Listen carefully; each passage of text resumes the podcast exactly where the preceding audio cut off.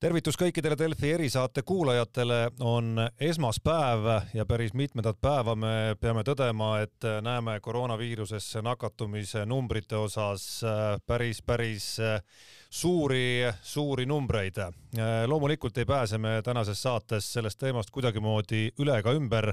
Ja mul on hea meel öelda tere päevast Tartu Ülikooli Kliinikumi kriisikomisjoni juhile, professor Joel Starkopfile tere päevast!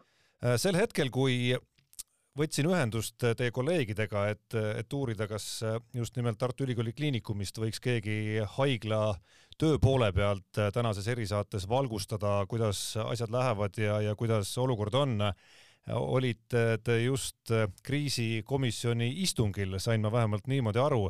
kuidas see istung läks ja, ja kuhu te selle istungiga jõudsite, kui kriisis me oleme? aitäh, no tuleb tõdeda, et kriisiistungid on rutiinne tegevus nüüd peaaegu aasta jooksul juba. nii et äh, liikusime oma tava, tavapärases rütmis, vaatasime üle nakatumise riigis tervikuna, vaatasime üle haiglaseisu äh,, uute haigete pealevoolu küsimuse ja vabade voodikohtade küsimuse ning arutasime läbi personaliga kaetuse äh,, kui hästi või halvasti see tagatud on ja, ja milline oli resümee, kui see, kui seda saab nüüd sellise ühe küsimusega kokku võtta? ja hetke, hetke resümee on siis selline, et me ju selgelt näeme nakatumise järsku kasvu riigis tervikuna. Äh, nakatumise kasv liigub ees, selle järel tuleb haiglaravivajaduse kasv, aga ka seda viimast me juba põhjaregiooni haiglates äh, näeme ja kuuleme nüüd, mis puudutab lõunaregiooni haiglaid, see on siis Lõuna meditsiinistaap, need on haiglad Narva haiglast, ähm, Järva haigla, Valga haigla, sellelt joonelt lõuna poole jäävad haiglad, ähm, mille tegevust siis kliinikum koordineerib, siis siin äh, me praegu noh, niisugust äh, järsku äh, haiglaravivajaduse kasvu neil päevil ei ole näinud, aga loomulikult me peame olema valmis olukorra eskaleerumiseks. Äh, nägime, et äh, täna on viissada kuuskümmend kolm haiget Eestis tervikuna haiglaravil Covid-19 äh, tõttu. Need on haiged, kes vajavad isoleerimist nakkusohtlikkuse tõttu. nüüd nendest siis kakssada on lõunapiirkonnas ja kolmsada kuuskümmend kolm põhjaregioonis siis haiglaravil. kliinikumis endas läbi detsembri jaanuari ja veebruari on üsna ühtlane haigete voog. kõige suurem haigete voog oli, oli jaanuaris, samasuguste numbriteni jõuame veebruaris.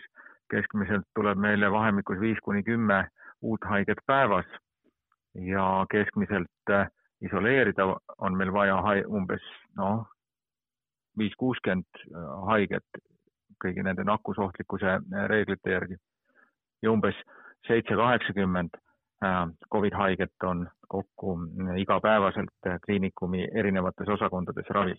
kui piiripealne see olukord teie võimekust arvestades hetkel on? no kui te, kui, kui küsimus seada, et kas me täna suudame viis või kümme Covid-19 haiget vastu võtta äh, lähema kahekümne nelja tunni jooksul, siis vastus on jah, suudame Äh, haiged äh, ukse taha ei jää, haiged EMO-s ei peatu selleks, et saaks neid edasi äh, ühte või teise osakonda viia. me nüüd praeguses ja nii, et meil on üks niisugune noh, kümme, kakskümmend protsenti või kakskümmend viis protsenti Covid voodite võimekust äh, kasut-, kasutamata hetkel, kuhu me saame haigeid ki kiiresti vajadusel võtta. küll aga me vaatame ette, et äh, vajadusel veel voodikohtade arvu suurendada ja seal me jõuame juba olukorda, kus me peame hakkama plaanilisi kirurgiaosakondi sulgema selleks, et tagada personal sinna osakondadesse. kui palju praeguse seisuga plaaniline ravi kannatada on saanud või kui palju te olete pidanud järeleandmisi tegema? See on erinevates sektorites erinev, aga niisugune läbilõikeliselt võiks öelda, et piiranud oleme jaanuaris-veebruaris kuskil kakskümmend, viisteist, kakskümmend protsenti, et kaheksakümmend, kaheksakümmend viis protsenti tavapärasest haiglas tehtavast plaanilisest tööst oleme ära teinud. ja ma arvan, tervikuna see on väga, väga hea tulemus, arvestades just seda koroonahaigete mahtu juba jaanuaris ja veebruaris novembris olete te ise andnud ühe pikema intervjuu ajalehele Pealinn, mis jäi mulle silma siin, kui, kui selleks intervjuuks valmistusime, mille pealkiri kõlas, et koroonast tingitud rasked ajad on ees. see oli tegelikult hetk, kus see nii-öelda koroonaviirusesse nakatunute suhtarv ehk siis neliteist päeva ja, ja saja tuhande elaniku kohta oli, oli liikunud viiekümne kuue pealt saja kahekümne kaheksale. nüüd me siis näeme, kuidas ja. see number on tegelikult kohe-kohe tuhandet täis saama, et meil on vist kuus päeva järjest, kus päevane uute juhtumite arv ongi üle tuhande olnud, et eh, kuidas neid aegu siis eh, nendes varasemate väljaütlemiste valguses täna defineerida, mis meil praegu käes on? olukord on kriitiline, hullem kui kunagi varem ja ehm, just nimelt see nakatumiskordaja kasv, meie näeme nakatumis, nakatumist ühiskonnas, inimeste hulgas ja see järk-järgult päev päeva järelt tõstab haiglaravi vajadust. haiglaravi vajadus ei kerki noh, niisuguse plahvatuslikult ühe päevaga või kahe päevaga, aga see päev päeva järelt me näeme, et see oli viissada, siis oli ta viissada kakskümmend, nüüd on viissada kuuskümmend inimest haiglas.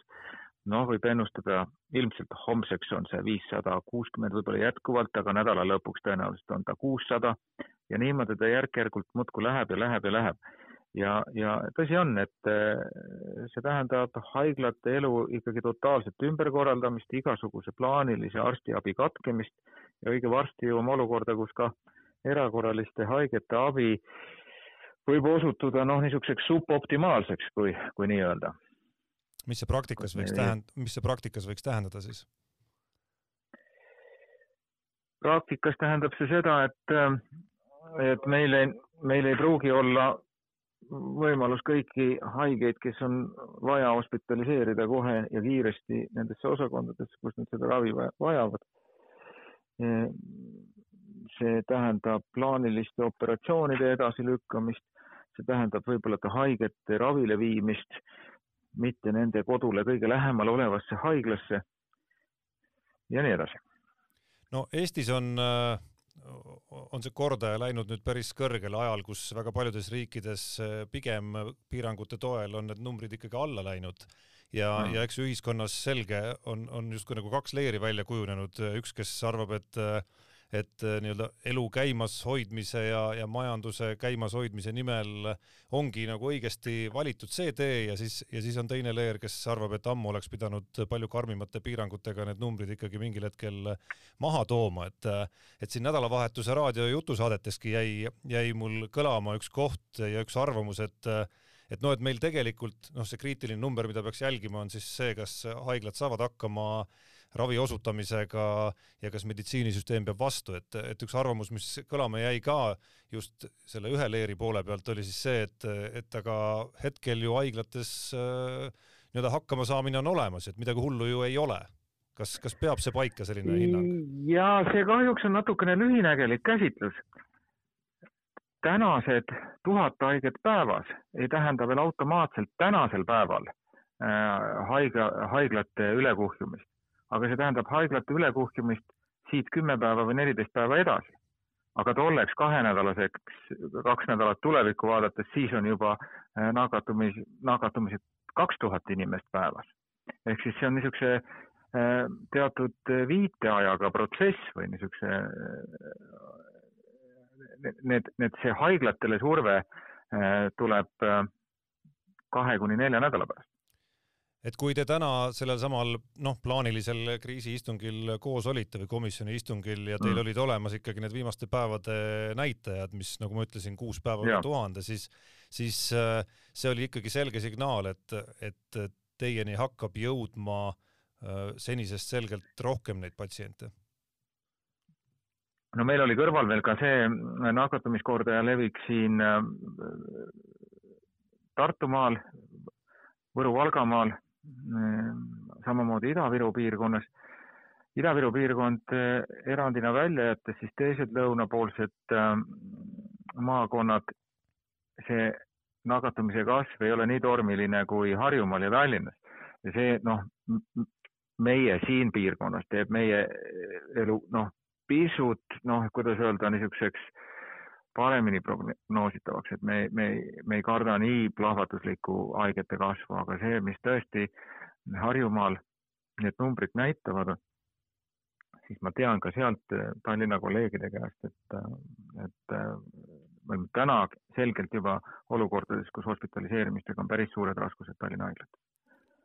Kuidas teile tundub, kas need piirangud, mis tänasest kehtima hakkasid ja kolmapäevast tuleb neid natukene juurde, et kas nendest piisab, et seda kurvi nüüd vähendada ja suunda muuta?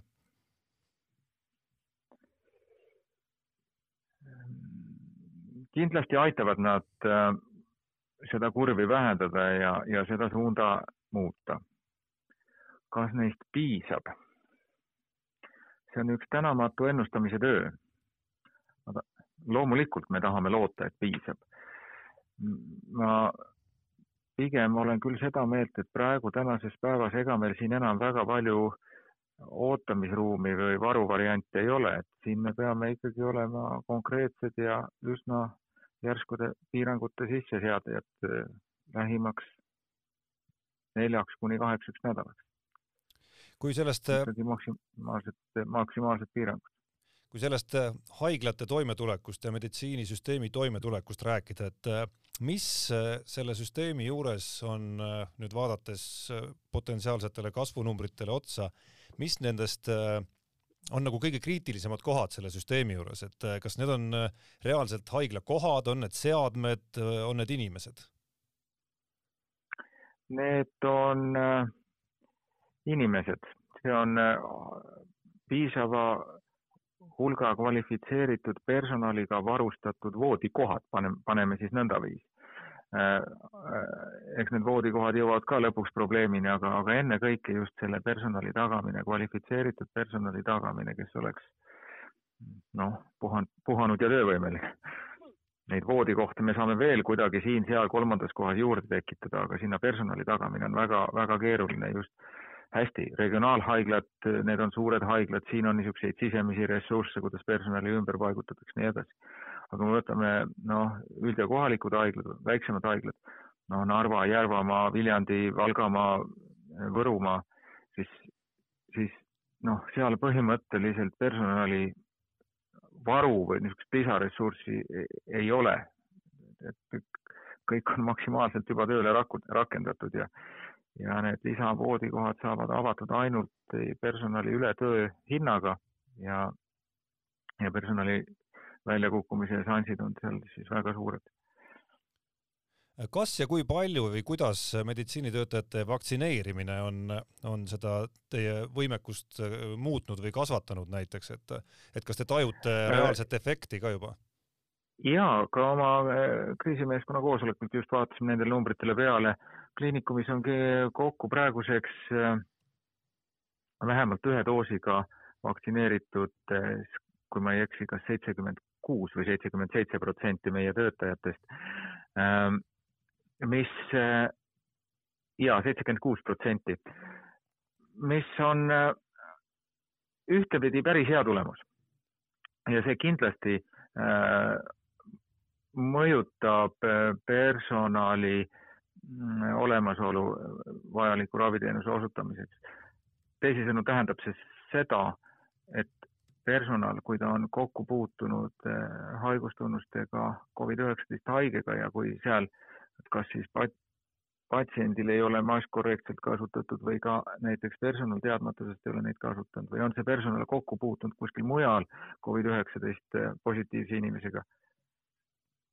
ilma vaktsineerimata me peaksime need personali saatma karantiini, vaktsineeritud personali me karantiini saatma ei pea ja ja, ja, ja, ja ta on nii-öelda töövõimeline ja, ja saame temaga töögraafikute koostamisel arvestada nagu üks moment ja võib-olla veel loomulikult tähtsam ja, ja olulisem on see, et personal on kaitstud raske haiguse eest, et nad on jul-, noh, nii-öelda selles osas julgemad ja enesekindlamad, nad ei pea muretsema selle üle, et nad saavad raske haiguse.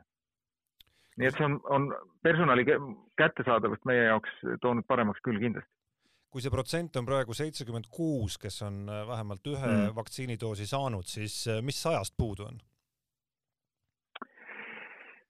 jaa, hea küsimus, et eks ikka inimestel on ju erinevad hoiakud ja, ja erinevad põhjused, miks vaktsineerimisest keeldutakse Äh, tänagi arutasime läbi, kuidas me veel jätkame seda tööd ja selgitust äh, nende kahekümne nelja protsendi hulgas, kes vaktsineerimata on. Äh, järk-järgult läbi viimase nädala on ka ikkagi inimesi lisandunud siia nimekirja. noh, tervikuna kõigi tervishoiuasutuste osas see seitsekümmend kuus protsenti on päris hea number, aga me ei rahuldu sellega, me tahaks eesmärgiks seada ikka kaheksakümmend, kaheksakümmend viis protsenti ütleme, kui rääkidagi arstidest, õdedest, äh, meditsiinitöötajatest mm., siis, siis millised nende puhul on, ütleme siis keeldumise mm. argumendid tava, tavainimeste osas me võib-olla teame neid paremini? no eh, ega me päris täpselt nüüd ütleme kaardistanud või, või analüüsinud neid keeldumise põhjuseid, põhjuseid ei ole. küll aga me ütleme niimoodi, et ka meil äh, kõige enam on arstid vaktsineeritud, siis õed ja siis muu personal. Äh, äh, vaktsineeritud arstide arstide osas ulatub vaktsineerituse tase äh, kaheksakümnele, kaheksakümne protsendi isegi. noh, eks siis keeldumise põhjuseid on, öeldakse seda, noh, nii nagu see kostab ka mujalt, et uus vaktsiin, me täpselt ei tea, mis on toimed ja kõrvaltoimed. Äh, ootame, tahaks näha, kuidas teistel sellega läheb. Mm, üks argument ja peamine argument või siis on mingi väga väike sektor või väga väike osa inimesi, kes põhimõtteliselt on vaktsineerimiste vastu. noh, neid tervishoiutöötajate hulgas on muidugi väga tühine osa, aga siiski nad on kuskil olemas. kas see, et äh, et need, kes loobuvad või, või keelduvad, noh, et need, need ei saakski meditsiinisüsteemis töötada, on see üldse reaalne variant? noh, on seda ka kaalutud, aga noh, vaktsiini, jah, see on üks, üks, üks nagu võimalik äh, variant, aga me oleme seni küll seisukohal, et niisuguste ähm, rääkimiste, selgitamiste, veenmiste teel on äh, edu saavutamise äh, võimalused olemas ja see on lõpuks äh, parem viis kui niisugune väga jõhkrate käskude ja keeldude abil toimetamine. kui nüüd hästi lihtsustatult küsida, siis kuidas teie arstidel ja õdedel läheb hmm.? aitäh, see on hea küsimus